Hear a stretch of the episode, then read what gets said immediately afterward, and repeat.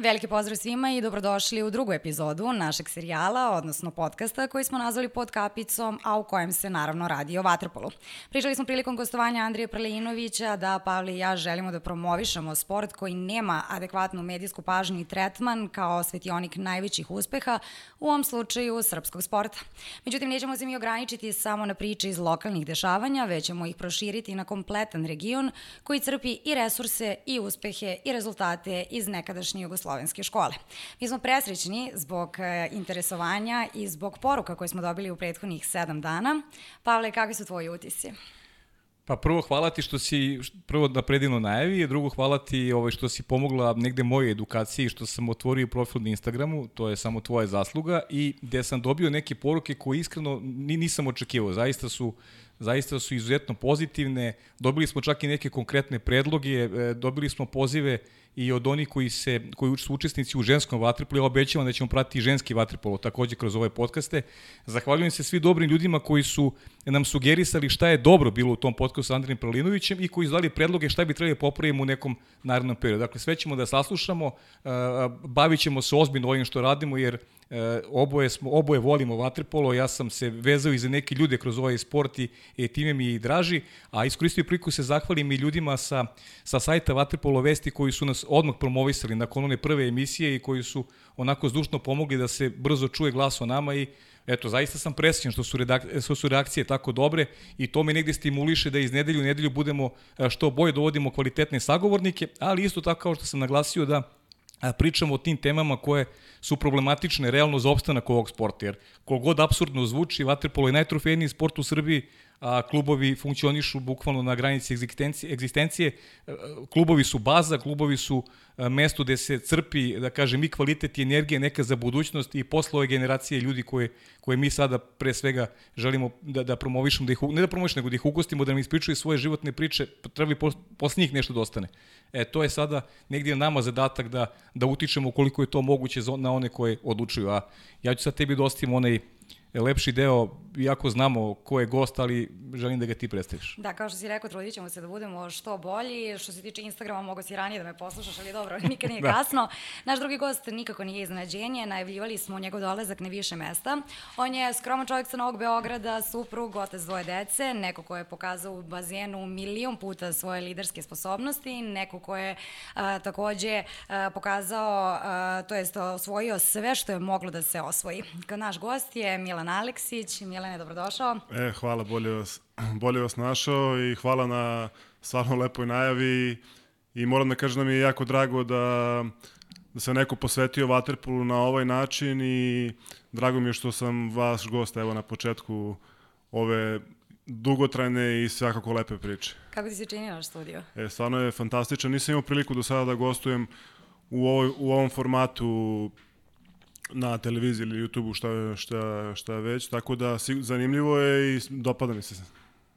Biće, ajde da, da, da krenemo odmah da, da, da radimo. Ovaj, mm. e, nezabilazna tema, aktualna tema je korona. Ovde ste trenirali, ste svi, reprezentacija je bila na okupu, imali smo nekoliko situacija, Nemanja Vico je bio prvo zaražen, sad je dobro, e, Dejan Savić e, takođe je, je zaražen koronavirusom, sad čujem da je i Draško Gogov takođe pozitivan, pa e, kaži mi da li se čuješ sa njim uopšte kakva je, kakva je situacija, šta se dešava u reprezentaciji po tom pitanju? Da, da, e, pa ono što najvažnije, e, svi, su, svi su dobro i prošli su sa, sa lakšim simptomima. A trenutno obustavljene su sve reprezentativne obaveze, odnosno pripreme i treninzi. Mislim, ne znam šta bi, vam, šta bi mogo da vam kažem na tu temu. Jako je onako široka i kompleksna tema. U svakom slučaju, uh, dosta je poremetilo ceo sport na globalnom nivou, pa tako, tako i kod nas. Opet, s druge strane, moram da budem pošten i moram to da kažem kod vas.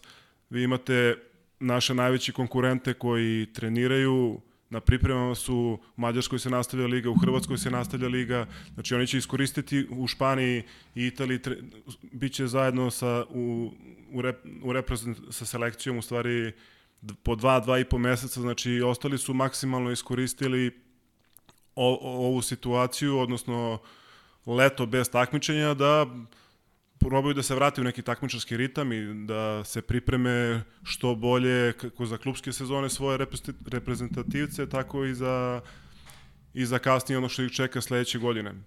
Mi nismo uspeli da se organizujemo na taj način, moram da kažem da mi je jako žao i ulazimo u sledeću vaterpolo godinu faktički bez šest meseci treninga igrača koji treba da nose tu reprezentaciju i da nastupaju na olimpijskim igrama. E, moram da kažem isto da mi neke stvari tu nisu jasne, jer u zemljama kojima je bila mnogo gora situacija uspeli su da naprave, da naprave model, Sa druge strane nam govore stalno kako treba da živimo sa, sa tim virusom i kako da se naviknemo, ali ne vidim da, da te stvari funkcionišu na pravi način po meni i jako mi je krivo zbog toga. Sigurno ima s druge strane i objektivnih razloga i strepnje i naravno da je zdravlje ljudi najvažnije, to, to bez daljnjeg, ali isto tako sam siguran da je mogao da se nađe neki model prosto da ljudi nastave da žive, u ovom slučaju sportisti, njihov život je trening i utakmice i takmičenja, tako da ne znam, eto, žao mi je zbog cele te situacije, mi se sad pojedinačno dovijamo kako ko po bazenima, ko se kako snađe i nadam se samo da ovo neće uticati na, na rezultate reprezentacije, odnosno da ćemo uspeti kroz takmičarske sezone da se vratimo na pravi put, pre svega što se tiče fizičke pripreme. Da, napravit jednu digresiju, izvini Marina, jednu digresiju napraviti. E, prvo, kad pričamo o koroni, ovde je jedna slika, starija slika, da idemo malo i i, i selektora kakav da. je bio iz mlađih dana. Znači, da mu poželimo... prepoznali ste ga. Pre, pre, ja sam ga prepoznao iz suga, moram ti priznam, da. ovaj, iako, ovaj, iako se dosta promenio, da, da, da. pa mu želimo i svoga mesta brzo poravak. Da. A ću, napravit ću jednu digresiju ovaj, vezano za takmičenje. Ja sam pisao neki blog pre nekoliko dana vezano za, za generalno sport i za situaciju generalno u, u, u našem sportu. Neki moj utisak je da su malo e, neke stvari E, nisu se ljudi rukovodili isključivo samo tim motivima zdravlja, nego da je tu više bilo e, priča oko e, sportskih uspeha i neuspeha, ali ne bih te gušio sa tom pričom, nego, nego sa momentom da li je možda Vatepolo mogu da iskoristi priliku. Nije moglo da se igra za titulu, za, za, za bodove, ali da li je mogla da se napravi neka letnja liga? Imaju svi letnje bazene, mogli ste vi da se uključite u klubove, to bi bila promocija Vaterpola zaista na, onako na pravi način u, u Srbiji, čak, čak i da ne bude publike. E, da, da. da, se, da ste se vi negde, kad ste već preko leta ovde, se integrišete u klubove i na taj način bi održavali neku formu takmičarsku, a, a verujem da bi, da bi bilo interesantno i ljubiti vaterpolo u zemlji. Svakako je ta ideja inicijalno, inicijalno postojala. Uh, i da bi to bila sjajna stvar, pre svega za promociju vaterpola, kao što, što si rekao, i pre svega vaterpolo je po meni letnji, letnji sport, nekako najvažnija takmičenja i uspomene ljudi su sa nekih letnjih bazena, letnjih turnira i sva velika takmičenja se odigravaju leti i mnogo su ljudi zainteresovani da dođu na bazen u toku leta, mislim što je logično, nego u zimskim neki, nekim danima. Ali sad to da ostavimo po strani, ja mislim, moje iskreno mišljenje da je to moglo da se organizuje. Sad, sigurno bi tu bilo problema nekih, ali prosto ne vidim da se neko bavio do kraja e, time na taj, na taj način, tako da ne mogu da kažem da se sve uradilo, e, da se radilo mnogo na tom planu, pa to jednostavno nije uspelo viša sila i zbog toga mi ostaje onako malo, malo gorčine da se to nije ni pokušalo. Sad, kažem, ne bi da zvuči kao da nekog napadam ili previše kritikujem, da, sigurno da. ima stvari koje su objektivne, koje možda ja nisam ni upućen bio dovoljno do kraja, ali gledajući primere oko nas, mislim da je ipak tu nešto moglo da se, da se napravi, ako ne makar neke pripreme nekih selekcija ili klubova. Na kraju krajeva, mislim da su odigrano par turnira mlađih kategorija do sada, nisam siguran, ali mislim, da, da, jeste sigurno. mislim, mislim da. da, da jeste, tako da ne, ne znam šta bi više dodao ili oduzeo na tu temu, mislim da e, koliko god su stvari, mako možda deluju konfuzno i nejasno, opet s druge strane su vrlo jasne.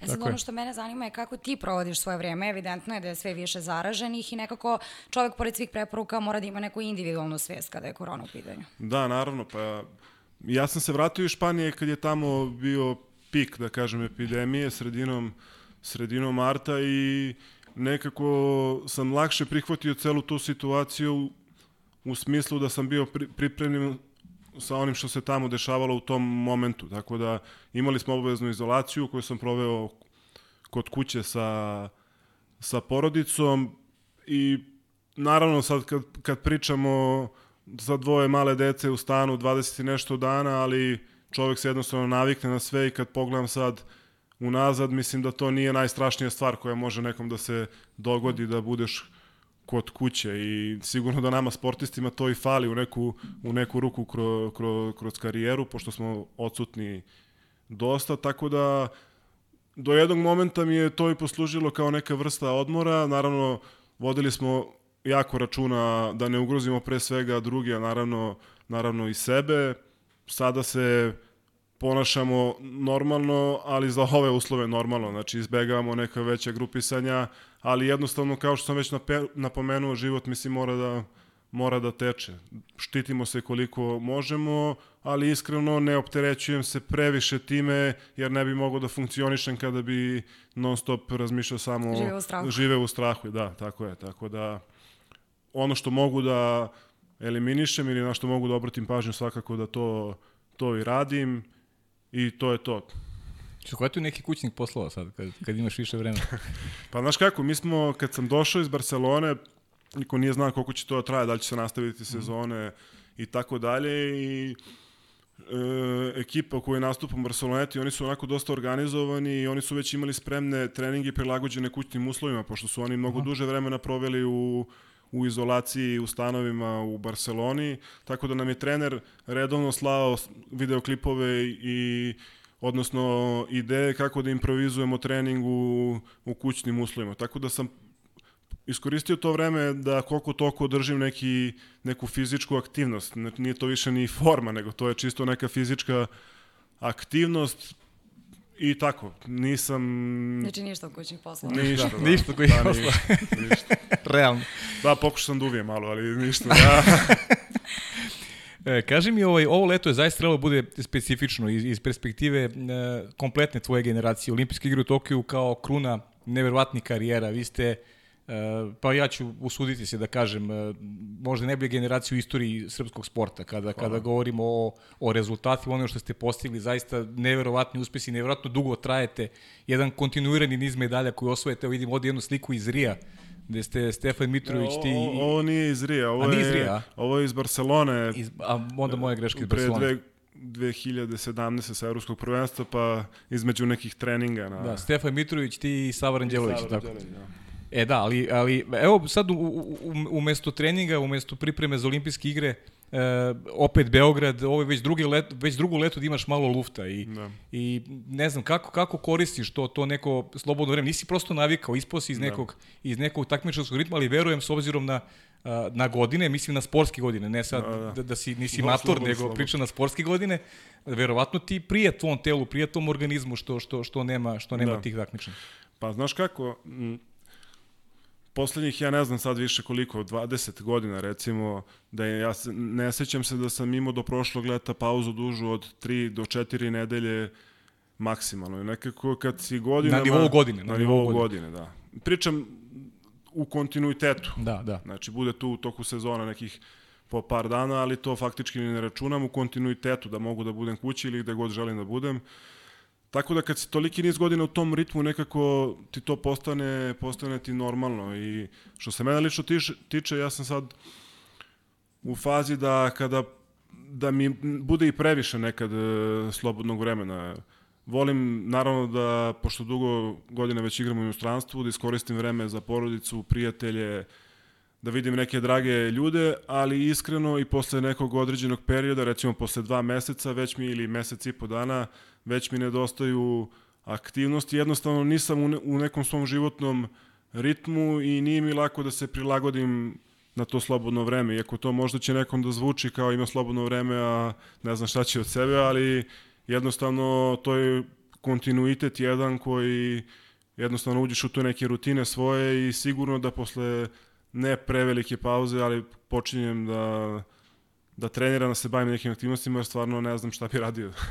E sad ono što mene zanima, Andrija nam je rekao da će reprezentativnu penziju prolongirati za leto 2021. Da. Nije hteo da priča u ime saigrača, pa sve da. ljubitelje vaterpola zanima kakva je tvoja odluka? Pa,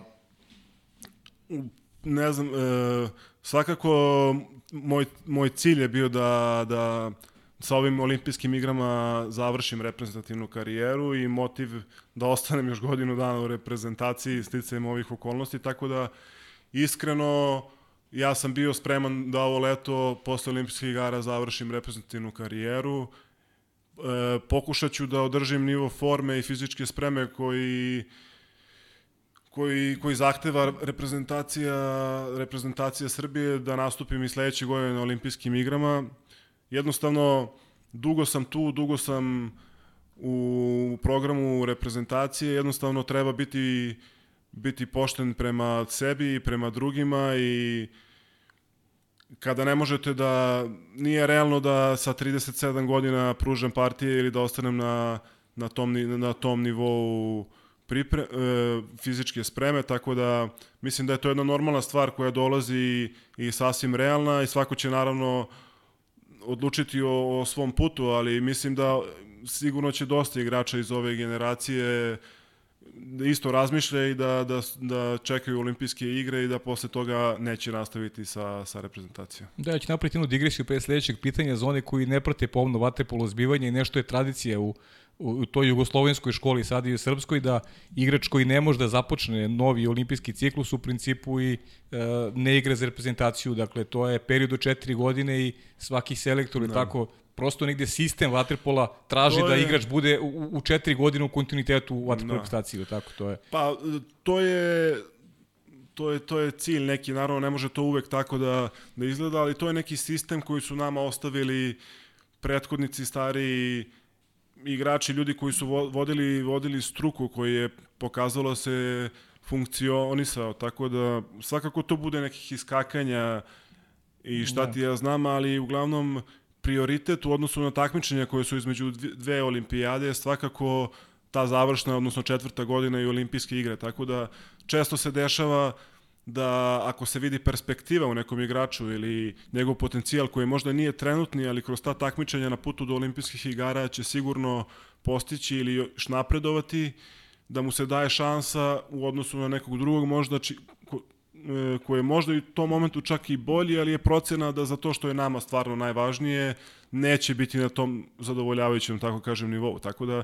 to je nešto što su ljudi iz struke, iz Waterpola godinama izučavali, primenjivali, pravili modele selekcija i mislim na kraju krajeva što se vidi po, po rezultatima koje, koje su ostvarene.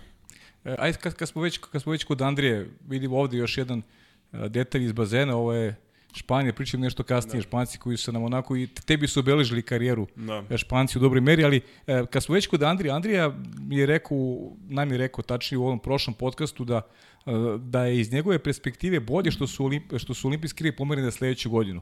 On negde smatra da će Srbija biti u boljoj formi narodnog leta. E, da li deliš to mišljenje i, i, i na čemu on, on bazira tako mišljenje iz tvoje, iz tvoje prizme?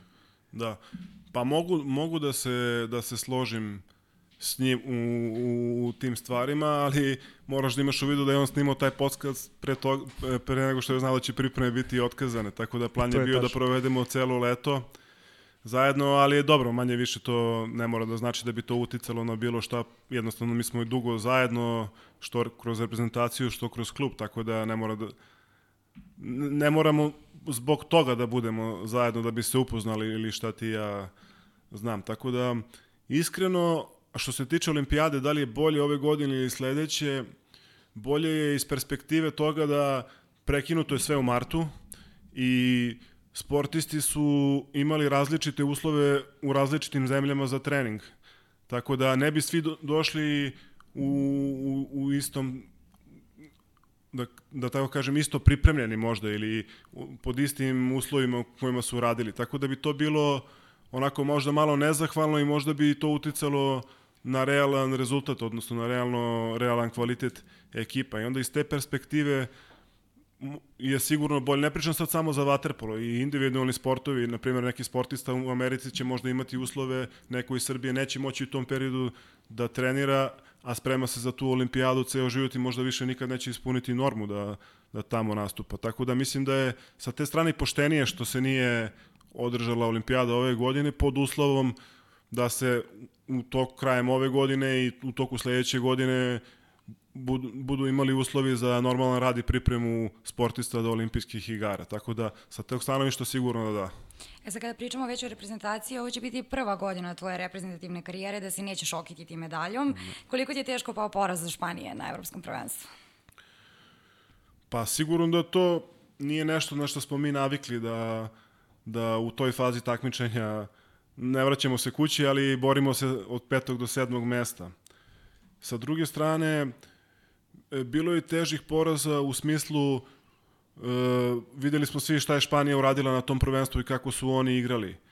E, krivo mi je, recimo, što smo završili peti, a imali smo samo jednu nerešenu utakmicu na celom takmičenju. Ali prosto takav je sistem takmičenja, desilo se što se desilo, pobedili smo ih u finalu e, Evropskog prvenstva u Barceloni dve godine ranije na peterce, tako da u svakom slučaju mislim da su oni zaslužili sve to što što im se desilo i te pobede, žao mi je što nisu uspeli da osvoje, tako da u tom sportskom smislu, ne, odnosno ne u sportskom, nego nemam za čim da žalim, nismo izgubili od lošije ekipe ili ekipe jer nam je bio loš dan. Jednostavno nismo bili na nekom možda nivou potrebnom u tom trenutku za, za tu utakmicu, a s druge strane imali smo toliko utakmica e, reprezentativnih gde smo se mi vraćali iz nemogućih situacija, okretali utakmice, tako da eto, desilo se to i nama, da kažem, da, da, da izgubimo. Možete čak da. i vi da pogrešite. Da, mislim, Španiju smo pobedili dva puta u finalu posle, posle peteraca, tako da ovaj poraz u četvrt finalu u, u poređenju za, sa ova dva finala možda i nije toliko bolan. Znaš kako, ja sam neko ko e, uvek se ograđujem, nisam neko ko je igrao vaterpolo, ono što je rekao Andrija, plivam da bih se održavao da ne potonem, da. ali mnogo volim ovaj sport i, i, i pamtim, dosta pamtim tih utakmica. Recimo to finale sa Španijom ove godine, napraviću digresiju pre sledećeg pitanja ponovo, uh, imao sam utisak do drugo polovreme, znači treća i četvrta četvrtina, imao sam utisak da Španjci su dali taj posljednji gol na meču početkom treće. Posle toga da. nisu mogli da daje gol. Ja sam utisak da ne bi dali gol da se igra celu noć. Ali, da. ali možda je malo falilo Srbiji malo više tog napadačkog protagonizma. Možda nisu igrači bili toliko raspoloženi. Mislim, niste bili raspoloženi toliko, toliko napadački, pa je došlo da. do peteraca. Pa svakako mi smo u poslednje dve, odnosno druge dve četvrtine primili samo jedan gol. I to na početku treće Da, četvrtine. i kada izgubite takvu utakmicu, mislim, više govori o vama, odnosno onome što si ti rekao o napadu. Jednostavno nije funkcionisalo. Srbija, vaterpolo reprezentacija Srbije, odnosno ova generacija, ako postigneš šest golova na jednoj utakmici, mislim, to je stvarno malo. Tako da, u svakom slučaju, taj deo igre je presudio na kraju krajeva. Jednostavno nije, nije išlo, srljali smo, ali mislim, toliko toga smo ostavili za sebe, toliko Naravno. jakih utakmica odigrali, pobedili, što izgubili, tako da, mislim, svaku, dešava, dešavaju se i takve stvari. Tako da, ponovi bi još jednom, nismo izgubili od neke ekipe koja je lošija od nas, pogotovo ne u ovom trenutku. Tako da, eto, možda šteta što možda nismo imali, dali više golova ili tako nešto, ne znam, ali kako bi ti rekao, jednostavno taj dan napad nije funkcionisao, ono što nas je krasilo, imamo možda je jedno od najboljih šutera na svetu, ali nije išlo, nije išlo i šta sad da se radi, idemo dalje. Znaš kako, ostaje ipak zapisano da od 2014. niste izgubili utakmicu na evropskim prvenstvima. I to je bilo u takmičenju po grupama sa Mađarskom te 2014. Dakle, do dana današnjeg, evo, bez poraza na evropskim prvenstvima, što je zaista, a evropsko se igra na dve godine, što je zaista jedan, jedan raritet.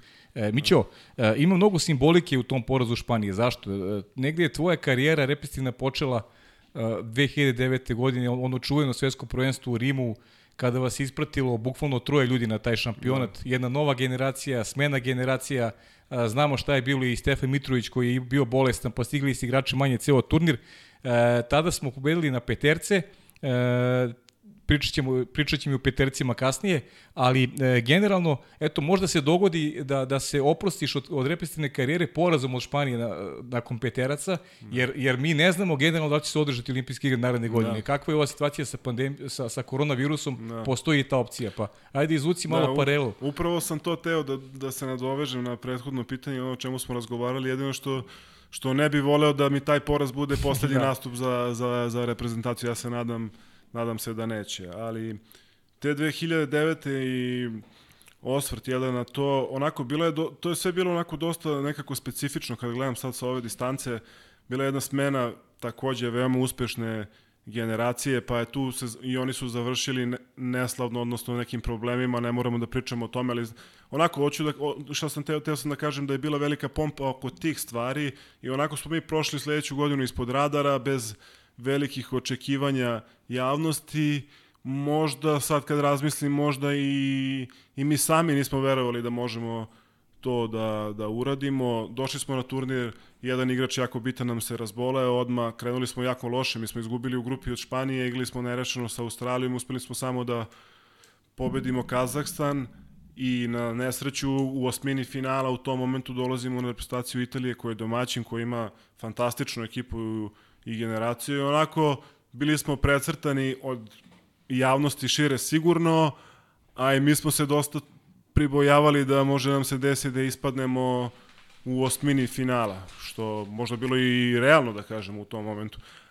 Ali eto, uspeli smo da tu utakmicu neko verovatno verovatno smo crpili snagu iz tog straha da se ne vratimo kući prerano iz domaće, od domaće publike, te reprezentacije Italije koja je nastupala u tom momentu. Uspeli smo tu utakmicu da, da pobedimo i onda se menja sve.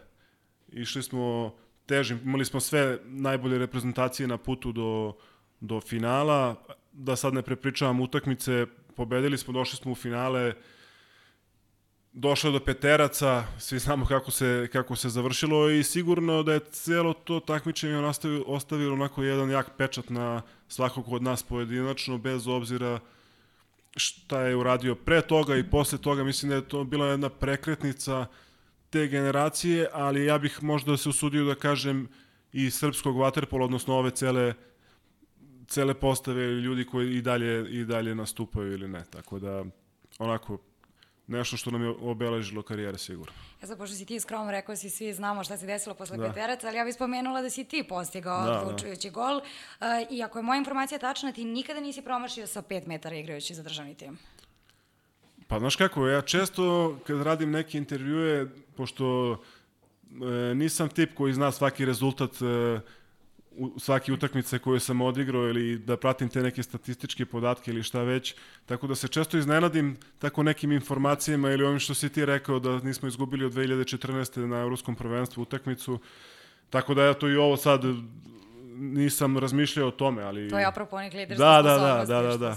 Pa ne znam, možda moj karakter takav da ne, nisam neki paničar ili Nemam e, izvini, pojma. sam to htjela ti pitam, pitala sam i Andriju, nama je zanimljivo kad mi gledamo PTRC, ali vama da. sigurno je vrlo naporno i da. pritisak da. je... Pa znaš kako, mislim, kao i penali u, u ostalim sportovima, zavisi kako gledaš na to, mislim. Po meni to radiš svaki dan i na svakom treningu ili hiljadu puta u životu, ali nije greh promašiti penal ili, ili je to neka stvar za koje će krasiti tvoju igru ili nastup pre toga ili posle toga. To se jednostavno dešava i nema nikakvih pravila. Bitno je samo da budeš smiren i skoncentrisan i ništa više od toga. Mislim da sve ostalo može da te poremeti. Ni to ti ne garantuje da ćeš svaki put da, da postigneš pogodak. Tako da, ja ne volim to, stalno se spominje kao penali su lutrija, malo mi je to Dis. izliza na fl floskula, ali suština te priče je ta, tako da Naravno da tu i to može da se vežba i da se razmišlja o tome dosta, ali svakako treba biti odlučan i to je to. Ja sam stanovište da, da tu uvek pobeđuje onaj ko je bolji. Da. I, I potvrda vaše generacije da. kvalitete upravo se ogleda u tome da ta vaša mentalna snaga se nekako da kažem, u najboljem svetlu se, se predstavila kroz te peterce, vi ste izgubili Sigurno, samo da. jednom i to je sad u, u Španiji ove godine u januaru. To je prvi poraz koji ste imali na da. peterce. Mislim ne, na vašu generaciju. Je, jasno je da je kvalitet ekipa Tako isto je. ima utica kao i na sve ostale segmente igre i kod izvođenja penala, ali eto vidiš, mislim da smo bili, imali smo, ka, kažem ti tu 2009. pa i kasnije par situacija da smo mentalno sazeli kao, kao ekipa i svakako pojedinačno svako kao, kao, kao pojedinac, tako da i to negde isto dosta dosta utiče na te neke situacije. Na primjer, s druge strane imaš Španiju koja je tri ili četiri puta izgubila finale upravo na peterce. Verujem da je njihova psihologija kad dođe do, A, da. do izuđenja penala malo drugačija, jer je njihova generacija propustila dve ili tri šanse da uzmu zlatnu medalju i pitanje da li će, da li će imati, a radi se o sjajnim igračima i o sjajnim mojcima, ali eto, sticajem okolnosti i oni to nisu uspeli da pređu taj poslednji, poslednji korak. Tako da verujem da njihov kole, kolektivna psiha što se tiče toga nije, nije kao naša sigurno. Da, Sad, me... izvini samo. Uh, okay. impresivno je, kad si već spomenuo mentalno sazrevanje, impresivna je vaša mirnoća, mislim na cijelu generaciju u tim odlučujućim momentima utakmica. U posljednjih 7-8 godina izgubili ste samo jedan neizvestan meč. Da. To je bilo od, od pa, Hrvatske u polufinalu da, svetskog da. prvenstva, da.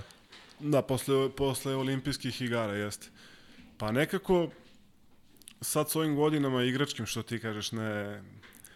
Ovako, nekako, kada se osvrne na to, kada razmišljam o tome, mislim, dosta jedna utakmica ili neka situacija može da odredi tvoj neki put ili karijeru, odnosno psihu u tom nekom smislu u kome, o kome sada pričamo. Mi smo imali situaciju kada niko nije očekivao od nas, možda ni mi nismo toliko verovali u sebe da smo uspeli da napravimo fantastične stvari i sigurno da svako dobije na samopouzdanju i da kaže sebi pa vidim da to mogu da, da uradim. I onda svaka sledeća situacija svaka sledeća situacija kad se nađeš u, u tome da gubiš ili da ti ne ide, opet nekako imaš to u sebi da bio sam u tome i pre, znam da mogu. Mnogo je teže ekipama, ima primjera i u klubskom i u reprezentativnom vaterpolu da ekipe nikad nisu uspeli da se vrate iz tako nekih situacija. I onda Mislim, ne kažem da je to lako, ali imali smo tu sreću u ranoj fazi da nam, da nam se desilo da smo uspeli da prebrodimo to i mislim da je to jako, jako bitan faktor na, na celu ekipu, a i, i pojedinačno. E, vraćaju te malo nazad, e, ostaje si malo dužan o, o, ovu, ovu Italiju, Rim. E, nekako da. volim da se pristane toga, to je, moram ti priznati, meni najdraža medalja, vaterpolo medalja, najdraže prvenstvo koje sam gledao, ali upravo sam ga ja gledao sa onako malim očekivanjima. Smena generacija, pritom iz te generacije Vanja Judović se penzionisao, mogu da igra i dalje sa vama. Sigurno. Sigurno mogu da igra i dalje i to bi bila i, i opet drugačija priča. A, a, a, koliko je, da li je ta, ta, to svetsko prvenstvo udarilo temelj na celu ekipu? Ja znam da ti recimo nisi igrao ni konstantno u juniorskoj reprezentaciji u to da. vreme, nisi bio standard u juniorskoj reprezentaciji, da. ali e, koliko vas je ojačalo, koliko je vama uh, u tom nekom karakteru tada usađeno da vi prosto možete budete najbolji, jer ste, jer ste redom pobeđivali u, Italijani u osmini finala, Mađaru u četvrfinalu, Hrvatu u polufinalu i onda Španiju u finalu. Svi su bili iskusniji od vas, svi su objektivno da. bili protiv vas tada favoriti. Da. Sve te četiri ekipe su bile sigurno, favoriti protiv sigurno, vas. Sigurno. Ali vi ste tada predvođeni Dejanom Udovićem, koga da. moramo da istaknemo, da. došli do, do, do zlatne medalje i mislim da ste tada, da je tada bilo jasno kakvu generaciju srpski vaterpolo dobio. E, da, i e, spomenuo si Vanju, pa da se nadovežem, e, znači on je, nas je predvodio kao kapitan te, te generacije i on je stvarno bio već tada jedan igrač, mogu slobodno kažem, od najboljih na svetu i bio je onako pravi pravi lider. Tu je bio Živko Gocić i Bobo Nikić koji su već bili u sistemu reprezentacije, igrali su neka takmičenja. Znači, hoću da kažem da su imali to neko iskustvo e, turnira, velikih turnira sa, sa reprezentacijom e, mi ostali koji smo tada na, e, nastupili, iako nam nisu nam to bili prvi nastupi za selekciju, ali prvo veliko takmičenje, smo se jako dobro poznavali, svi smo uglavnom bili zajedno u Partizanu i što kroz juniorske kategorije, tako da tu nije bilo nekih problema, imali smo dobru, dobru atmosferu ali svakako posle, grupne, posle grupe u, u Rimu situacija nije bila uopšte naivna i ne mogu da kažem da je atmosfera bilo nešto sjajno, jer jednostavno pribojavali smo se šta će se desiti i loše smo krenuli, došla je ta Italija u čemu smo pričali, koja nas je onako stvarno, stvarno digla. Zanimljiv detalj, jedan, pre nego što smo krenuli na utakmicu sa, sa Italijom, mi smo gledali u hotelu E, Crna Gora, Nemačka. Crna Gora je sigurno u tom momentu bila glavni favorit po meni, po meni da, da bar mhm. igraju finale. Oni su izgubili osminu finala od Nemačke. I nekako meni lično, a mislim i za razgovora i ostalim igračima, nekako kad se završila ta utakmica mi smo kretali u autobus. Nekako nam je dala možda neki daleko od toga da nam je bilo drago što je Crna Gora ispala, da, ali, ali, ali smo videli da može sve. Znači da, da Nemačka mogući, može da. da pobedi da pobedi Crnogoru. Sigurno i to neki bio mali onako okidač ili da kažem postrek ili motiv ili ne, ne znam kako da, de, da definišem.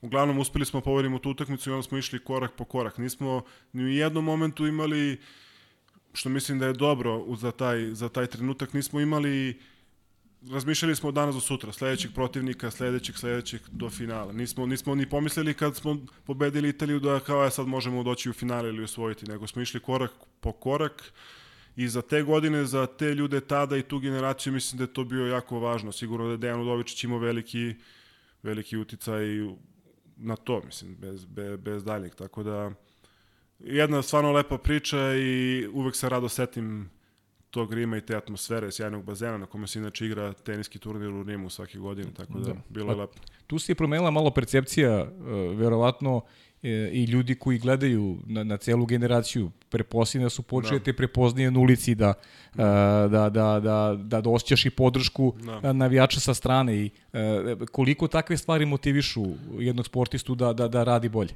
Pa svakako da, naravno. Mislim, osjećaš se prosto odgovornim na neki način prema svim tim ljudima koji te, koji te prate i podržavaju, ali stvarno možda i od svih ovih godina najveći doček i najveći smo imali posle te 2009. Možda zato što su ljudi bili onako iznenađeni, a svakako su svi bili presrećni i euforični u smislu da eto su se pojavili neki novi ljudi koji su možda bili pocenjeni u javnosti u tom u tom momentu, a su pokazali da mogu da iznesu taj, taj teret i pritisak najvećih takmičenja. Tako da, e, za godine posle toga koje su dolazile, to je onako bila jedna stvarno obaveza, što nije uopšte bilo, bilo lako udržati taj neki nivo, nivo, nivo rezultata. Pogotovo odmah sledeće godine gde smo u Zagrebu, bili smo na tre, treći, možda je moglo više, možda nije, ne znam, ali ni, nisu bile te partije kao iz Rima, da su ljudi možda očekivali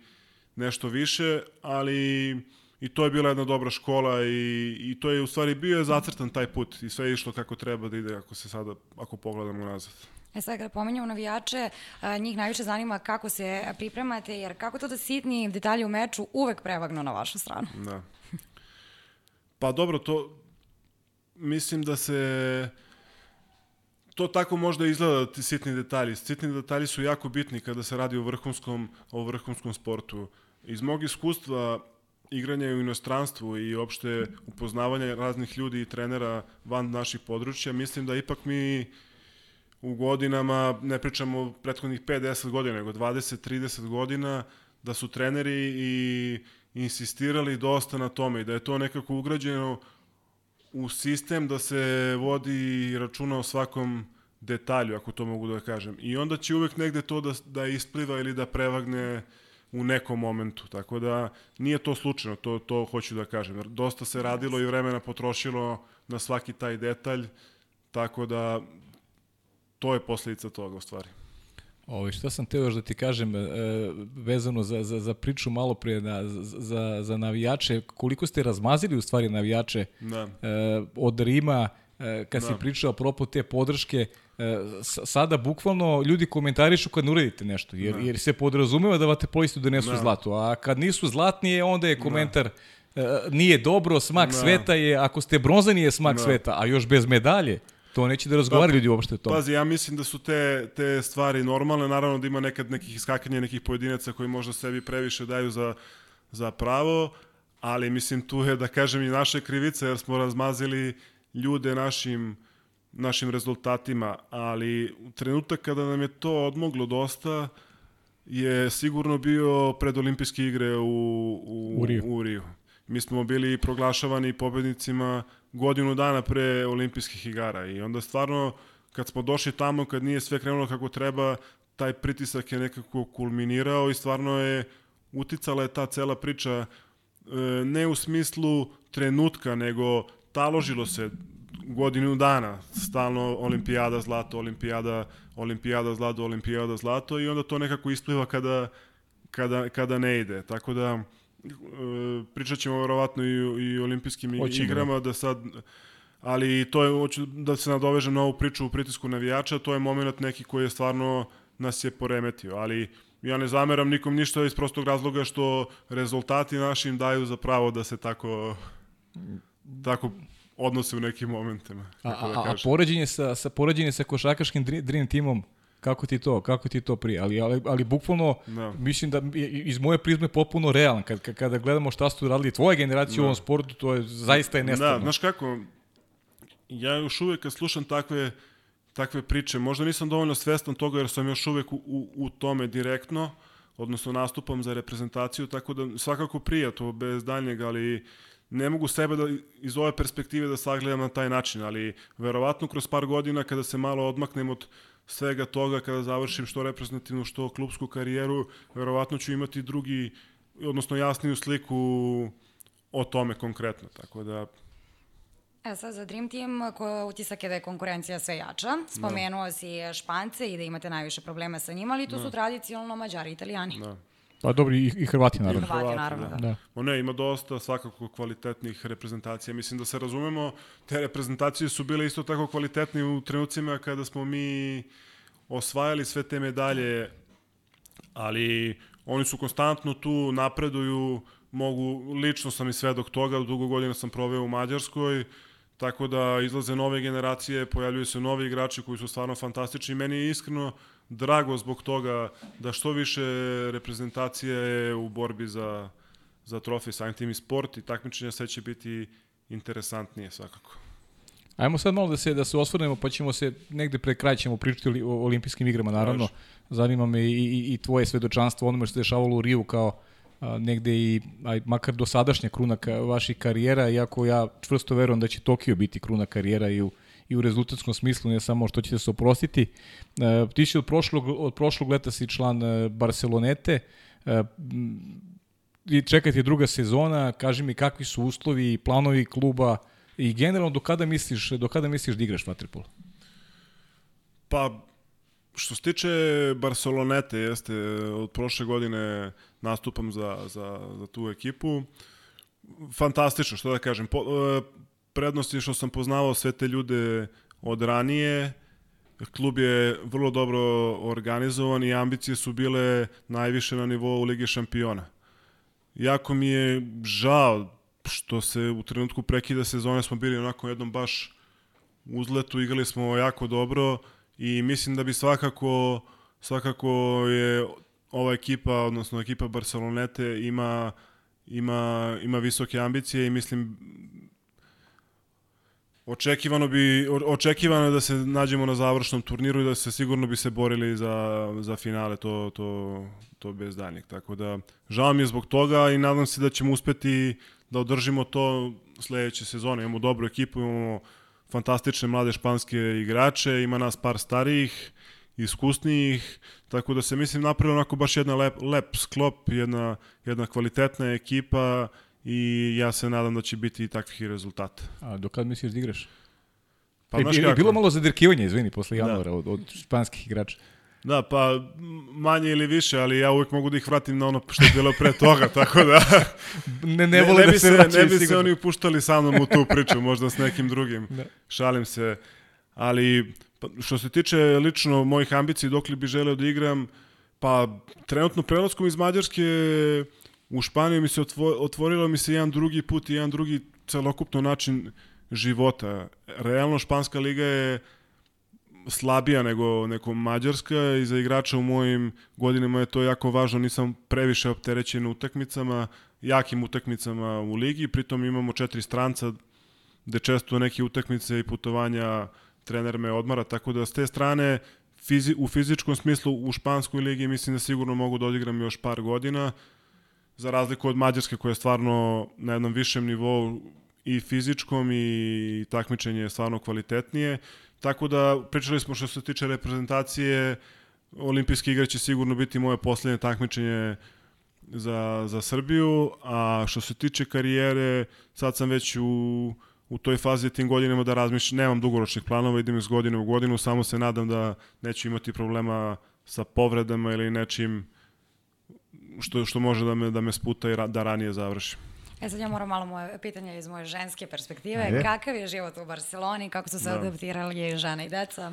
Ne, fantastično. Mislim, bilo bi suvišno šta tu dodati mm. ili pričati na tu temu previše. Mediteran, ljudi, mnogo je sve opuštenije, otvorenije. Svima nam, svima nam prija, deca idu u školu i vrtić tamo, tako da kao što smo očekivali, adaptacija je vrlo brzo prošla. Pritom, bio sam tamo nebrano puta, tako da znao sam sve šta me očekuje i tako da ne znam šta bi više rekao. Mislim da ne treba trošiti reči previše na Barcelonu. E, jedino što moram da te pitam, s obzirom da si malo prespomenuo Mađarsku, negde sam slušala tvoj intervju gde si rekao da ti je mnogo teško pada njihova hrana i da, Da. ugostiteljstvo nije baš onako, je sad Da, to da, je u da. Barceloni se Pa vratno dobro, to promenilo. su, to su stvari koje meni, meni znače, odnosno, pa Mađari imaju generalno, vole tako malo pohovano, punjeno, i to je sve ukusno i super, ali za jednog sportistu stvarno ne priliči da se tako hrani. Možda posle karijere. da, da, da, da, da. Pa ne bi trebalo ni posle karijere, evo imamo primjer selektor. Pa imamo još neke primere, ali ne Da, vide. da, imamo da. još neke primere. Imamo, recimo. imamo, da, da, da. E, e, izvini, samo pored toga, ovaj, impresivno si naučio mađarski, s Da, obzirom da. da, je izuzetno težak jezik, kako stojiš sa španskim? Pa mnogo sam Mnogo lakše. mnogo lakše, da. Mađarski stvarno zahtevan jedan jezik i težak da se nauči. Otežavajuća okolnost mi je bila jer je uvek u tom gradu bilo puno Srba, što u košarkaškoj sekciji, što u Waterpolu i nekako nikad nisam video sebe da mogu da provedem život u Mađarskoj ili pogotovo u Solnoku za koji sam nastupao, tako da nisam imao neki motiv. Ali, s druge strane, posle tri godine, kada sam shvatio da sam ja tu tri godine, da nisam baš nešto savladao, onda sam se onako, pa čoveče, ostaćeš ovde ko zna koliko, bit će sramota da odem odavde da ne pričam jezik. Tako da, na kraju sam bio sedam godina tamo i priča, naučio sam mađarski, mogu da se služim s njim dosta onako korektno. Pa kaže na mađarski, ja sam Mića, Mića Aleksić i olimpijski izvetski šampion. A čekaj, sad mi je, ovaj, sad mi je španski u glavi, pošto... Pa pošto kaže nam, pošto- pošto mađarski znaš. Ajde, Milan. Vodjok. Olimpija i Bajnok. Alavera. A videli smo sad sliku o, o, ovaj Solnog. Da, da, da. Mo, mogu da se pohvalim da sam i bio tamo, tako da, da zaista još, još jedna i lepa i iz moje prizme epizoda i super, super da, ekipa, da, da. lepo ste igrali, evo, evo, to, je- to je ta trojka. Da, da, da. Žile Pa, Goć koji je sada Žile, i trener. Žile je prvi otvorio, da kažem, Solnok i otišao.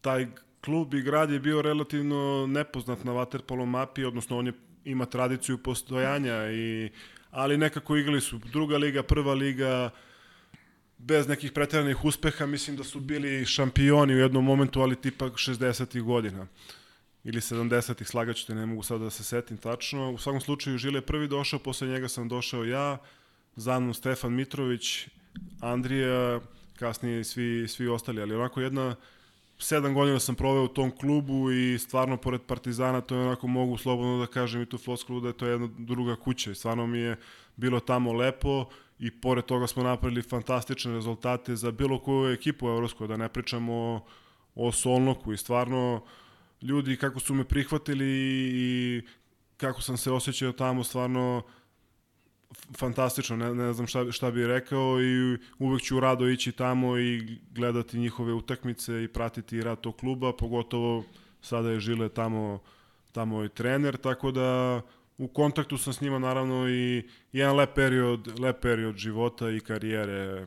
Ja sad je i Fića tamo. Sad je Fića i Dule, da, da, bravo. I Dule, da. Tako da imaju ambiciozni, ambiciozni su, imaju do, do, dobar menadžment kluba, dobre, dobre strukture kluba funkcionišu, onako, baš onako jedna prava sportska priča i drago mi je što, što je tako i što sam bio deo toga, odnosno dizanja tog kluba i postavljanja na ovaj nivo da je prepoznatljiv u evropskim okvirima, što sigurno nije bio. Da, Nije, da. nije bio pre nekih 7, 8, 10, 10 godina. A sad kada pričamo o lepom periodu života, moram i opet malo na svoju stranu Da, da, da, da, da, te može, vratim može, u odrastanje. kako si, ne, ne, sad te vraćamo u odrastanje i kako si došao do vaterpola, čula sam da si bio dobar i u školi. Svašta, O, svašta da, Marina da, zna. da, da, da. Pa ja sam odrastao na Novom Beogradu u radničkom naselju u paviljonima. Sad kako sam izabrao vaterpolo, mislim da je to onako standardna neka priča. Prvo plivanje. Prvo plivanje, da, na Taš Majdanu. Posle sam, nije mi to bilo nešto što bi me zadržalo da, se bavim samo plivanjem. U nekom momentu smo došli do određenih godina gde moraš da se odlučiš da ćeš da se baviš vaterpolo plivanje. Odlučio sam se za vaterpolo i eto tako, tako je sve to počelo. Mislim da je to jedna običajna priča za vaterpoliste. Kasnije sam prešao u Zvezdu, tamo sam proveo skoro do juniorskih dana, znači jedan dobar period odrastanja. Pogledaj sliku. Da, da, da. A ovo je bilo pre početka vaterpola. Pre početka vaterpola, gde? Ovako će biti i posle. Biće... Ovako će biti i posle. da, da. Pa ne znam, ne mogu da se setim, to Dobro. sam našao kako se zove sliku iz porodičnog albuma, ali ne, ne znam tačno. Da. tako da gde sam stao? Pa to Zvezda. Bio da, si, bio sam u Zvezdi i u jednom momentu e, su prepoznali iz Partizana možda nešto u meni da bi ja mogo da napredujem više u, u tom klubu koji je bio sigurno dominantan u tom periodu u mlađim kategorijama. Prešao sam u Partizan 2001. ili druge godine i eto posle je išlo kako je išlo prvi tim, odigrao sam čak jednu godinu, ja mislim, za juniore Partizana i vrlo brzo smo ušli u prvi tim i Ja, pre, pre, Pa da, ja bih da pitam a, ti, a, a mogu ja napraviti samo, samo jednu, Možeš, samo jednu digresiju pre Možeš. tog. Uh, imaš, imaš tetovažu na ruci Da, da, da. uh, pokojnog uh, oca Radeta, pa Da. uh, pokaže mi tetovažu, Da. on, je, on je sigurno imao i, i onako Da. i utice na te neke tvoje sportske izbore, on te vodio, Da, da, da. neko bi sigurno bio ponosan na, na, na, na, na, tvoje, na tvoje uspehe, pa verujem da se, da se setiš uvek kad svakom nekom medaljom ovaj, Da, da, da. I, i, i, i, i, i te priče tog, Pa tog naravno, odrastanja. ja sam imao tu nesreću da mi otac preminuo kada sam imao 13 13 godina, znači bio je tu na početku te neke moje spajerske karijere, e, majka naravno koja je dalje, i dalje tu i ona me uvek podržavala i vukla i vukla celu tu priču i u nekim momentima možda kada kada sam teo da odustanem i šta ti ja, šta ti ja znam, ali mislim eto, desilo se što se desilo, naravno da mi je žao što nije doživeo da isprati sve ove uspehe, ali nekako s godinama prihvatiš to kao tako i to su na kraju krajeva i neke stvari koje se dešavaju u životu, treba se treba ostaviti ona lepa sećanja ono što što te što me veže za taj period. Ipak sam ja bio bio sam i mali da kažem kada se sve to izdešavalo tako da to meni sve nekako prošlo prošlo brzo, žao mi je što nismo više vremena proveli zajedno, ali eto, mislim, prihvatio sam to tako, žao mi je, ali jednostavno nisam jedini kojima se te stvari dešavaju, tako da život ide dalje. Tako je, a sada kada pričamo o Partizanu, ja sam sada u manjini, pa bi ja zamolila Vanju da on pusti jedan video, spremili smo nešto za tebe, tačnije jedno pitanje. Mići, pitanje zašto je izabrao da navija za Partizan? Opa, nema zvuka, Mići, pitanje zašto je izabrao da navija za Partizan? sad ćemo da vidimo da pustimo opet. Mići, pitanje zašto je izabrao da navija Meni za nije teško Partizan? da ja prepričam. Da, Andrija nešto bi.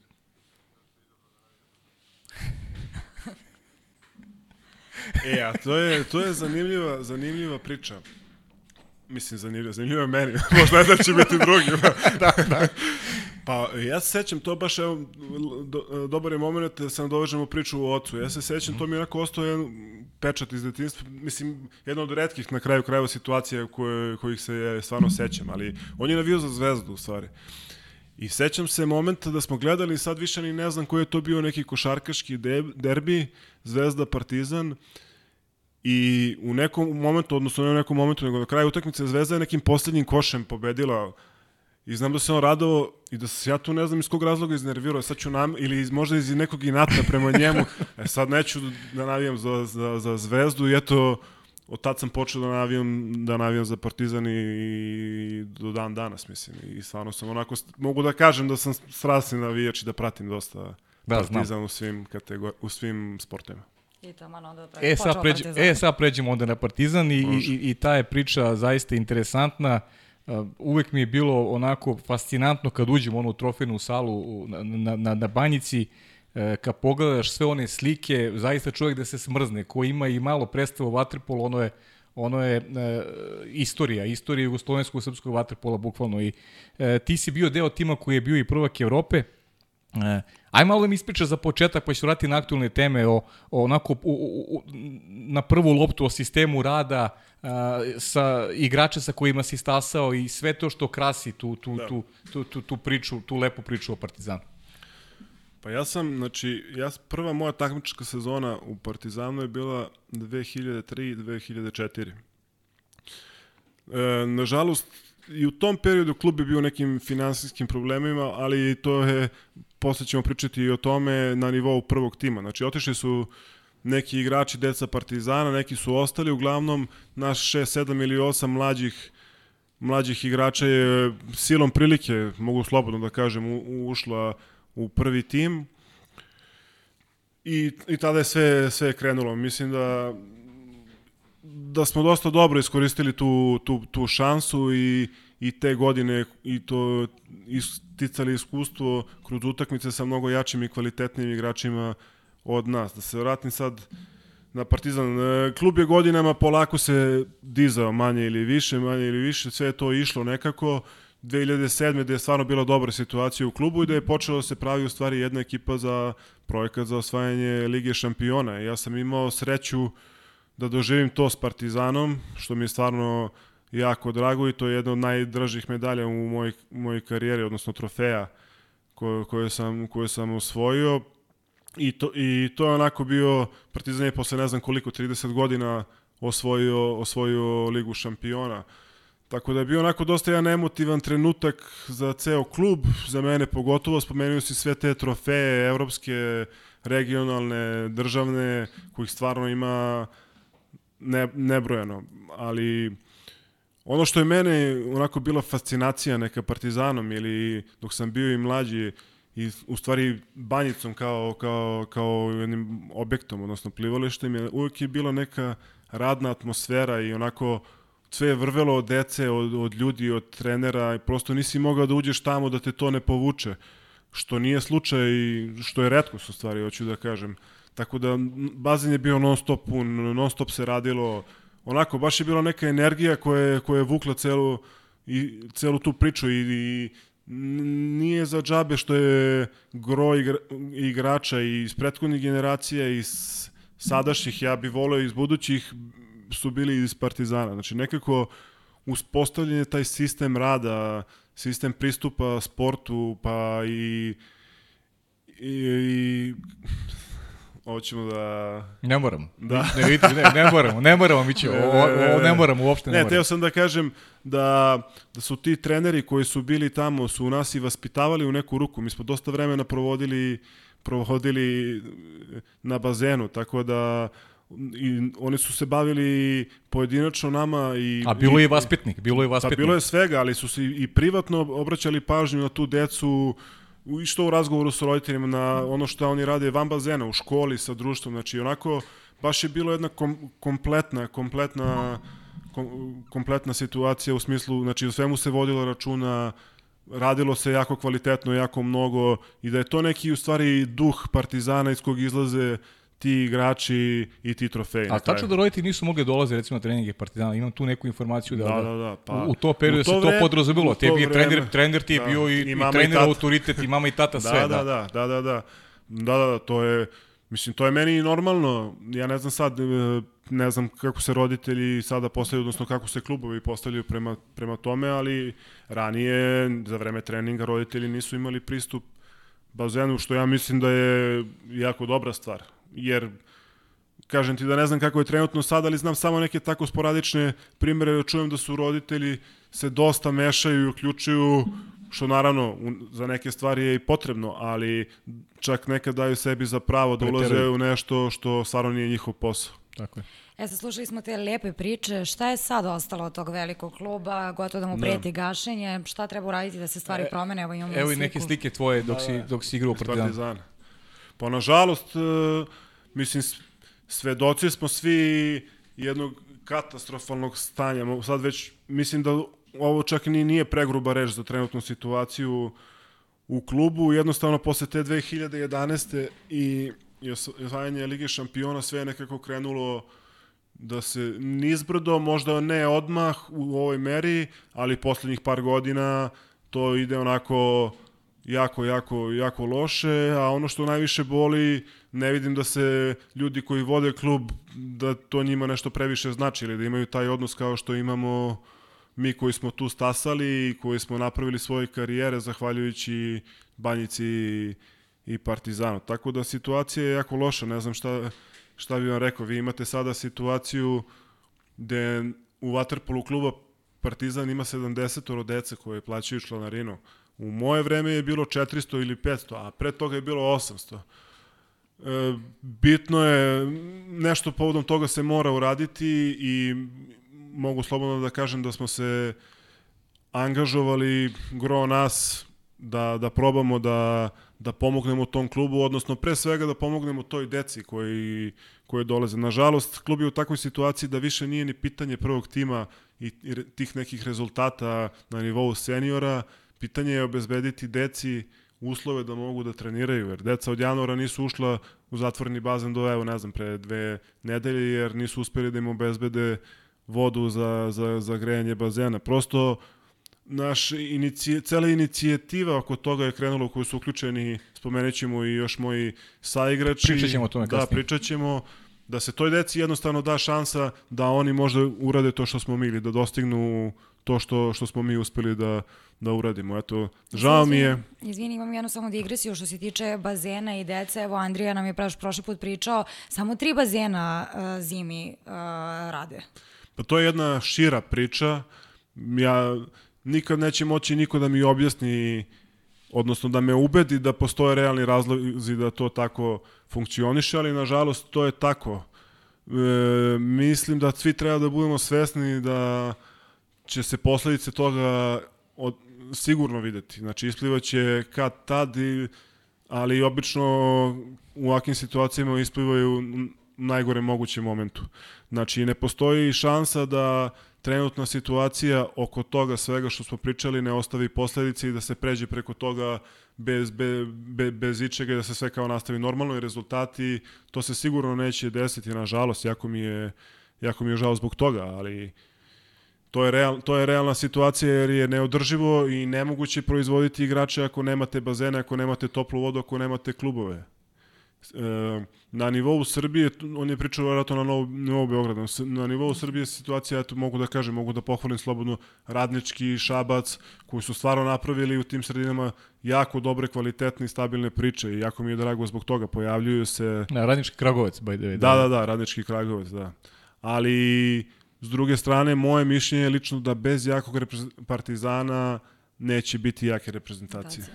Da, e, čudne stvari, ajde sad idemo, po, polako ćemo, doćemo i do, Da, da, da. saopštit ćemo i spisak igrača koji su e, velikih igrača Partizana, velikih imena, Vaterpol imena koji su koji žele da pomognu da Partizan stane na zdrave noge. E, dešavaju se, ajde da kažem, čudne stvari oko Partizana trenutno. E, Aleksandar Šoštar koji je legenda kluba, on vodi pravnu borbu, smatra da su oni predsednik Skupštine Zorana Vramović nelegitimno smenjeni i traži da se vrati stanje od pre 2. decembra 2019. godine kada su oni manje više ajde tako kažem izbačeni iz kluba. Da. Ajde to mi malo prokomentariš pa ćemo onda kasnije Ovako, da govorimo. U nekom periodu, recimo, moram da budem iskren i da kažem da smo realno da je naša reakcija za- zakasnela.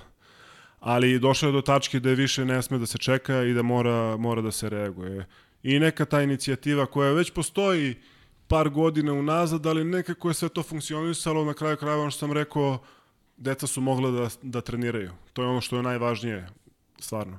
Tako da, kad smo to izgubili, jednostavno smo se skupili i rekli ljudi ovo više ovako ne može, ne, nećemo da dozvolimo da pred našim očima propada klub i ušli smo u tu priču da pomognemo, da pomognemo klubu. Ono što je važno, mi smo krenuli Pokrenuli smo tu inicijativu, organizovali smo se, Šoštar je umeđu vremenu dobio presudu omladine i sporta, da je on legitimni predsednik. Sva, e, sva što se dešavalo u tom klubu u prethodnih par godina, ne bi sada detalji su o tome, ne iz prostog raz, nešto ima tu šta da se krije, nego jednostavno šira je priča jako kompleksna. U svakom slučaju, danas je izašao naš zahtev za za smenama svih rukovodioca u Waterpolo klubu Partizan, odnosno da bi se to uradilo na jedini legitimni način, odnosno na prav, da to bude pravno uokvirano kako treba. E, Ministarstvo omladine sporta je reklo da je Šoštar legitimni predsednik kluba, odnosno predsednik upravnog odbora i mi smo, kao što će se videti u ovom pismu koje je izašlo, zahtevamo da on i gospodin Avramović zakažu skupštinu kluba što je pre moguće i da se izglasa poverenje, odnosno nepoverenje strukturama u klubu i da se glasa o poverenju ljudi koji koji hoće da pomognu na kraju krajeva, koji hoće da pomognu, koji ne mogu da gledaju više ovu situaciju na banjici gde su im odrastala deca, čak i unuci sad odrastaju i gde su oni proveli dobar deo života. Tako da ja se nadam da će sve to ispasti kako treba, a na nama je, mi smo založili svoje imena, autoritet u neku ruku i pre svega tradiciju Partizana i njegovu istoriju da, da nas obavezuje da, da ne možemo da, da gledamo to i da, da, pre, da prećutimo neke stvari jer stvarno je došlo do tačke da je mora da se reaguje. To je sad i se negde nadovezuje i tvoje Tvoje pitanje. pitanje, tako je. Ja sam htjela da pitam kakav je stav bivših igrača, s obzirom da sam čitala da su se oglašavali, oglašavao se Avramović, reka, rekavši da svi zajedno treba da se stidimo ukoliko ste klub kao što je Partizan Pa upas. da, ali neko manje, neko više. Više. Ovaj, tako da ja sigurno i igrači koji stoju iz ovog potpisa nemaju čega da se stide što se tiče Partizana, šta više možemo da budemo ponosni onim što smo mi uradili u klubu i doprinosu, doprinosu doprinosu part, doprinos Partizanu koji smo ostavili. Naravno, što se tiče situ, situacije Sad, sad sam, malo sam, Da, da, pričam pod emocijama, emocijama, pa sam, vidim. pa sam ovaj, zaboravio koji je drugi deo pitanja. Kakav je stav bivših? Da, stav je e, stav igrača, odnosno Ja ću pročitati sada pro- sled- Možeš slobodno da pročitaš. čim- Stav je da završiš. apsolutno treba da se, da se promeni stanje, odnosno da, da ljudi koji vode sada klub stvarno nisu dostojni imena Partizana, jer došlo se do toga da je urušen sportski deo. Partizan je i ranije bio problemima finansijskim, pa je prvi tim bio malo bolji, malo lošiji, ali sportski sektor koji treba da bude odvojen od, da kažem, menadžmenta kluba, treba da radi svoj posao neometano bez obzira na situaciju e, finansijskog kluba, u smislu treba da postoji struktura trenera, da se zna ko šta radi, to je sve, mislim, zvuči nevjerovatno i nije lako do, doći do tog nivoa i nije lako uraditi, tak, nije lako toliko urušiti Partizan, ali nažalost smo u toj situaciji i pre svega taj sportski deo, posvetiti se deci, to treba vratiti na pravi put i godinama pokušati da, da vratimo Partizan što više možemo. Ono što je najvažnije za, za, za opstanak i, i srpskog vaterpola je, je ta omladinska škola koja je crpela tolike Da, da, da. talent, to što ono što si rekao, uopšte nisu bitni rezultati prvog tima. Bitno je Nažalost. Da, bitno je pa u, u suštini U ovoj situaciji, U ovoj situaciji, da. a, ali u generalnom plasmanu. Da. e, Gde piše da neko mora stalno da bude da bude najbolji? To to Nigde, to, da. to nigde ne piše, ali ali ta škola koja je bila jezgro, koja je bila oslonac najveći i jugoslovenskog vaterpola i srpskog vaterpola mora da postoji da da funkcioniše u najboljem mogućem obliku. Znam da odlaze treneri, odlaze igrači. Rekao Da. si ovaj podatak, ja nisam znao taj podatak, stv- stvarno je e, frapantan, da samo Frapantan, 70 dece plaća ško, školarinu od 400 koliko je bilo u tvoje vreme, Da. to je nisam se suočio s zaista Da, užasan da, da. podatak. A sada ću pričati igrači koji stoje, koji su popusnici tih apela. Znači, pored tebe, tu su e, Živko Gocić, sve velikani srpskog vaterpola, e, neki bivši igrači, neki aktor Slobodan Nikić koji se e, skoro penzionisao, od aktualnih reprezentativaca Nikola Jakšić, Filip Filipović, Stefan Mitrović, zatim bivši golman Partizana Nikola Kuljača, Dušan Mandić takođe aktualni reprezentativac, e, Slobodan Soro, bivši reprezentativac Srbije i proslavljeni golman i e, Miloš Ćuk koji je takođe aktualni reprezentativac. Znači i, i 11, 11 Samo bi- veličanstvenih, tako Samo bih bih rekao. želeo da budem totalno jasan što se tiče tog zahteva i svega toga u, smi, u kom smislu. E, mnogo je širi spisak ljudi koji, koji, koji, koji podržavaju ovo što se dešava, odnosno ovu inicijativu. I s druge strane, da jasno stavim do znanja da mi smo svi igrači i dalje reprezentativci imamo svoje obaveze, da neko ne pomisli da mi to hoćemo da preuzmemo, bilo bi stvarno neozbiljno. Da, da. Mi smo se jednostavno samo okupili oko te inicijative i okupili smo ljude koji će se baviti tima koj- kojima su neki i bili u tome ranije i koji su spremni, koji su spremni da, da pomogu klub. A mi smo, eto da kažem, koristimo našu poziciju, našu, naše imena i, i ono što smo mi dali, što je Partizan dao nama, da eto pokrenemo celu tu stvar i da svi zajedno se uključimo kogod voli Partizan i želi da pomogne je dobrodošao. Tako da, samo da ne bude zabone da je to ograničeno na tih 11 im, Ne, naravno. imena, ali je to i, i, Vi ste inici- prosto inicijatori, ini- inicijatori da. svega toga. Naravno, ja se nadam ako do svega toga do- dođe, nadam se da hoće vrlo E, sam da brzo, ti jer svaki dan, svaki dan se broji, bukvalno, jer deca odlaze razumljivo. Mislim, Naravno. ne treba nikom ništa zamerati i napravili smo grupu ljudi, mislimo koji mogu da pomognu i koji, ja se nadam, će uspeti da uđu u klub i Dopričali smo ti, a nećemo imenima da govorimo, da. naravno ima, ima, ima vremena da govorimo Tako imenima je. ako se to dogodi. Kaži mi koliko je realna priča da se da se e, stvari pokrenu konačno sa mrtve tačke i da i, i, i da, da mogu da kažu svi eto Partizan je opstao i opstaće u nekom obliku koji je će- koji je normalan ajde koliko Partizan će opstati kada, e, kada na tom bazenu bude 200, 300, 400 ili 500 dece, bez obzira na situaciju u klubu. Stalno se vraćam na tu finansijsku situaciju koja je došla do tog nivoa da više nije ni bitna. Bitno je da imaš dece. Dokle bude dece na bazenu, Partizan će po, postojati pravit će reprezentativce, prvotimce ili šta, šta god u, u zavisnosti od, od, od trenutka. Tako da, ali upravo nam se pred očima dešava da se to gubi. Kad ne bude bilo deca na bazenu, neće biti partizana. Možda će ostati samo ime i nekoliko ljudi tamo. A, evo, realno znači da se nešto pokrene. Ja se nadam da je realno i naša ideja kako mi to mislimo da pokrenemo uopšte je pre svega da obezbedimo uslove elementarne, znači da bude tople vode tokom cele godine da deca mogu da treniraju. Mislim, ne znam da li shvatate o čemu mi pričamo u 21. veku, bazen koji postoji 50 godina da klub ne može da obezbedi deci toplu vodu, ništa više. Mislim od toga. Ne, brutalno. Znači da smo došli do toga u zemlji koja je kao zemlja vaterpola i da ima toliko medalja, stvarno kad bi pričao nekom strancu da se to dešava u Partizanu, a ljudi u inostranstvu i odnosno vaterpolisti i vaterpolo radnici kada me pitaju i kada razgovaramo o tome prosto ljudi ne mogu da veruju jer u Mađarskoj i Španiji ne može da se dogodi tako nešto. Može klub da ne postoji u smislu rezultata trenutnih, ali da nema dec, da Partizan nema decu, to, to niko ne može da razume, to ne mogu ni ja da razumem i ne znam kako bi to objasnio ljudima u stvari. A, to, to, to, aha, izvin, izvin, Brina. Izvini, kada već pominjaš strance, eto, na primjer, zanimljiv, mislim, zanimljiv, frapantan podatak je da na Google pretragama se najviše pita kako je Srbija uopšte dobra i najbolja u da.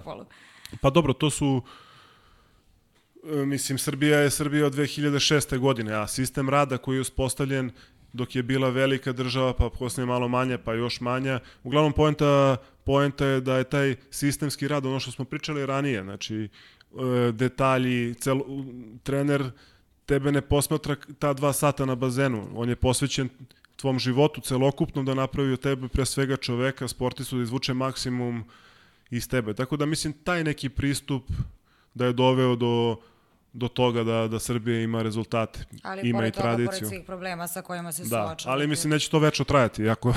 da, da. da. Ovakvu sistemu neće. Ali, pa da. Ali vidiš, recimo dao si primjer Mađarske, sad malo ću da, da, malo sad lutujem i misli, da. jer, jer mi je tema, jer mi je tema vrlo interesantna i imam tu privilegiju da da se sa mnogim od vas i družim, da vas poznajem i, i, i znam e, čime se rukovodite kada neke stvari pokrećete, ne nekim e, ličnim interesom, nego opštim. Znam da vam je Vaterpolo na prvom mestu, da želite da ostavite nešto i u amanet posle vaših karijera. Uh, bilo je nekih momenta kada ste bili pogrešno shvaćeni sa nekim vašim inicijativama, a, a, a, a vrlo dobro znam da mi je Vaterpolo jedini interes. I, i, i kad sad gledam igrosi u Mađarskoj, recimo imao sam skoro primer Egera, kluba koji da. postoji toliko godina, koji je bio pred gašnjem, država nije dozvola da se Vaterpolo klub Eger ugasi. Da. Znači, a, naši su mu i sponzora, a, i, a, rešena su pitanja dugovanja, a, u, u dragčenim smislu će funkcionisati, neće da. moći prvi mag da se bori za titule, ali klub kao klub je opstao, da. jer to je interes i Mađarske kao države. E, to su neke stvari koje, na, na koje vi ukazujete i koje prosto moraju da dopru do ljudi koji imaju svest o, o, o odlučivanju i o tome da da procene šta je važno za, za dobrobit društva, a Vaterpolo Partizan, Vaterpolo klub Partizan je, je dobrobit ovog društva. Pa baš kao što si rekao, dobro, dobro si ovo rekao, što se tiče Mađarske, oni na sport gledaju sa jedne druge šire slike i nekako sa druge, mogu da kažem i sportske sportske strane. Tako da, du, duga je to priča, ali sigurno bilo bi stvarno jako dobro kada bi se mađarski model pri, primenio u Srbiji, ali eto, kao što si rekao, isto Partizan se gasi, niko tu nešto se previše ne uzbuđuje, sem navijača i ljudi koji su proveli život tu, ali mislim na nama je da se borimo za taj klub i i za tu tradiciju i za sve što je, što se vezuje što se što se vezuje za, za, za nas i za Banjicu i za za Partizan. Ja se nadam da ćemo uspeti eto da pokrenemo nešto, pa ako se pojavi neko sa boljom idejom, mi smo otvoreni da razgovaramo sa svima u tom, u tom smislu. Mislim da budem isto vrlo jasan, niko od ovih potpisnika i ljudi se neće baviti konkretno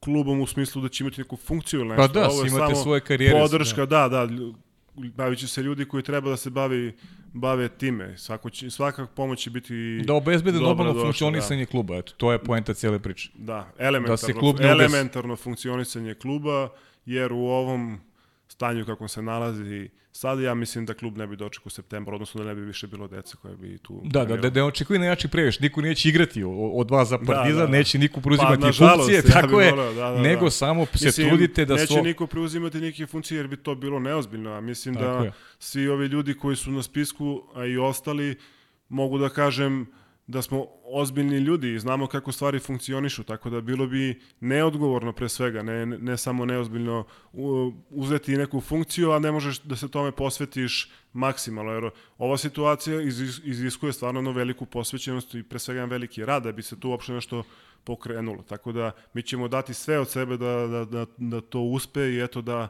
bar ta deca imaju priliku i šansu da se bave sportom i da naprave nešto u svojim A karijerama. još jednu digresiju ću napraviti, izvini, pre nego što Marina pređem sledeće pitanje. E, o, o, ono što mori Partizan definitivno, to su i, i veliki dugovi koji su da. naravno nasleđeni i to je nešto što treba i ljudi koji eventualno sutra dođu u klub, znači to ne, ne smemo da zanemarimo, znači nije, naravno, a, nije, naravno. nije, nije, nije sistem uništio Partizan, nego je, Da, da, da. nego je Partizan i iznutra vukao neke loše poteze koji su doveli do toga da, da se klub sada nađe Pa, u, u, mislim, u, to u je- ovakvoj situaciji. To je vrlo očigledno i ne treba vam sad ne, ne znam šta da biste to mogli zaključiti. Dug je, dug je ogroman, ali nisam se osvrtao na tu priču o dugu prosto iz više razloga. Mm, Kad volim da pričam, kad pričam o konkretnim stvarima, na primjer novcu, iziskuje to da poznaješ direktno stvari iznutra, odnosno Okej, da imaš da, papire u razumem, rukama, tako razumem. da ne bi da na taj način pričam, ali čim je toliki dug, logika stvari govori da tu nešto nije dugo funkcionisalo kako, kako treba, tako da ne treba ti čak ni neka prevelika pamet da bi to Naravno. zaključio i da se to tako polako urušavalo, a ja nisam primetio da je bilo ne znam kakvih pokušaja da se to nešto, nešto spase. Jednostavno, mislim, to je što je. Situacija je takva kakva jeste, drago mi je da se uopšte pokrenula ova inicijativa, da ćemo pokušati eto, da pomognemo to, tom klubu i toj, toj deci koje, koje gore rade. Okay. Ovo je svakako neiscrpna tema, ali da. kao što si rekao, pokrenuta inicijativa i nadamo se najboljem. A takođe si spomenuo šta ste sve ostavili u Amanet. U Amanet je definitivno ostavio i Dejan Savić da. i ono što sve zanima je kako raditi sa njim. Pa ja sam imao to zadovoljstvo da, da budem i saigrač sa Dejanom, odnosno njegovim poslednjim godinama reprezentacije ja sam onako kao mlađi priključivan i imali smo dobar odnos priva, privatno isto i sada i tada, tako da sigurno da je on jedno osveženje za svetski vaterpolo kada se pojavio, ne samo za srpski, imao je neki drugačiji možda malo pristup e, ajde radu manje više, ali više ovako individualno prema igračima i prema uopšte prema utakmici. Tako da je bio stvarno jedno osveženje, onako pravi bum i u pravom momentu i sve, kao što se i nama sve pogodilo, tako je i, i njemu, ali uz naravno nisam to spomenuo, ali to se podrazumeva ogroman kvalitet i iskustvo i kao igrača i kao, kao trenera, ispostavilo se. E, znaš, kad pričamo o Saviću, ajde, e, običao sam malo pre da, e, da ću te pustiti da ispričaš e, svoju poznaciju navoda verziju olimpijskih igara. To Da, je nešto što je zaista kruna karijera i Da. uh, imao sam priliku da, da gledam ono finalu u Atini, recimo, koliko je meni teško palo taj, taj poraz od finala, mogu zamisliti tek igračima onaka poraz od Mađarske. Da. Uh, kako si to živeo celu tu priču Rio, malo si me, u, uveo si nas u priču kroz, Da, ta, da. kroz prizmu očekivanja, koliko je bio taj taj prvi deo takmičenja, koliko je bio koliko je bio problematičan, ali onda kada je kada ste ušli u to četvrtfinale, Da. onda je sve delovalo onako Da. kao kao podmazano što se Pa kaže. imali smo puno problema. Realno smo bili dosta opterećeni tom, tom olimpijadom i tom agendom zlatne medalje, šta ti ja već znam. I u takvim situacijama... Kada, Koja, koja by the way, da, ovdje da. ispre, U, tak, u takvim situacijama u sportu i životu kada imate neki cilj i neki pritisak da morate da dođete do njega, kada ne krenu stvari onako kako ste zamislili, onako dosta je konfuzno i teško. Ono o čemu smo razgovarali i te neke situacije od ranije u kojima smo se mi nalazili u smislu da smo i gubili utakmice pa se vraćali i uspevali da da prebrodimo to, nam je sigurno bila neka snaga sve vreme da izdržimo to, jer stvarno je onako specifična, olimpijada je specifična situacija u olimpijskom selu sa svim sportistima, terpolistima po ceo dan se viđate, svi nam govore od naših sportista iz naše misije Srbije, svi gledaju samo u nas što se tiče rezultata, nama ide loše. Onako, bila je situacija baš onako nezgodna, ako tako mogu da kažem. Međutim, bilo je i zanimljivo, mogu sad već mogu da ispričam Ajde, u smislu... to nas zanima. E, Pa ne, ne nešto, ništa spektakularno, nego Španija je igrala, recimo, do smo pričali o Špancima, oni su igrali fantastično taj turnir u grupi, bili su prvi. Nama je išlo jako loše i mi smo završili četvrti, ja mislim, ili še, Jeste. u četvrti smo bili Četvrti. u grupi, Španci su bili prvi i oni su išli na nas, što nisu želeli. I zadnje kolo, neću da kažem da su namestili, ali su nesrećno izgubili, igrali nerešeno. Međutim, situacija u toj grupi se odvijela tako da su oni na kraju opet završili prvi. I ja sam u tom momentu znao da, da, da je to to, u smislu čim i dalje nas izbe, Beže- beže- beže od nas, a mi ne igramo uopšte na našem nivou u tom momentu, to je onako bila neka prelomna tačka gde, gde smo svi dobili neku pozitivnu energiju, u stvari smo, nam se samo vratila vera u sebe, u tim, jer su nam oni pokazali koliko smo mi u stvari veliki i kako nas oni gledaju. Tako da u tom momentu je, to je bio prelomni moment i mislim da je, da je, da je tu smo osvojili olimpijadu. E, Soro mi je pričao e, relativno skoro, mislim, u stvari skoro, ima neki šest meseci recimo, da je posle one utakmice sa Brazilom, koju je Brazil Da, da. pobedio, on, on branio sjajno, Da, da. Da je posle utakmice se osjećao kako se osjećao, ali da vam je svima rekao da osvojit ćete zlato, ne sekirite se ništa. Pa pazi, ja ne mogu da se setim toga jer sam posle te utakmice bio u takvom magnovenju da ono nisam znao šta da radim sa sobom, ali on je bio često, pošto smo svi u olimpijskom selu, često je dolazio kod nas u misiju i stalno nam je dao podršku svakako u svim momentima, tako i verovo, verovo i u nas. Tako da sigurno da je to rekao i, i verujem da je to i mislio u, u tom momentu, tako da hvala mu na tome. I, mislim, svaka vrsta, svaka vrsta odnosno svaka podrška te vrste u takvim momentima znači, a pogotovo od nekih ljudi čija se reč vrednuje. Tako je. Ja sam malo da smanjimo pritisak kao što su svi očekivali da, da. osvite ove olimpijske igre, tako ćemo i sada. Dogodine. da. da smanjimo pritisak, a? Da, da, da. Pa to bi bilo stvarno, stvarno lepo, ali mislim da smo taj pritisak 2016. skinuli sebi sa vrata u tom, u tom smislu, tako da mislim bez ob... naravno ne treba niko da ti kaže kad ideš na olimpijske igre i da ti stavlja dodatni pritisak, ali sigurno ako ništa s jednim iskustvom osvajanja medalje, odnosno zlatne medalje na olimpijskim igrama ćemo, ja se nadam, ukoliko se održe, nastupati u, u Tokiju, tako da ćemo s te strane biti pripremljeni sigurno. Pa imamo toliko pitanja, ćemo mi da privodimo Ne, polako a, u imamo kraju. one košakaši, ili- one košakaši imamo. A da, imamo ove, a, znamo da si se družio sa košarkašima u Mađarskoj. Da. Ovdje imamo neke slike. Da, pa ovo je, ovo je, stvarno smo imali sjajnu, ovo je povratak sa olimpijskih igara, Da. imali smo sjajnu atmosferu u, Evo i ovde, Stefan Marković, mačman. Da, da, da, u našoj zgradi, ja držim sok neki od jabuke. Od ja, pa da, pa znao sam, a znao sam da piješ sok. Da. O, imali smo sjajnu komunikaciju s njima, bodrili smo se, pratili smo njihov, oni su napravili fantastičan uspeh, oni su gledali naše utakmice i njihove, i ne samo sa njima, nego i sa svim ostalim sportistima je, iz, naše, iz naše misije u selu, odnosno iz naše zgrade.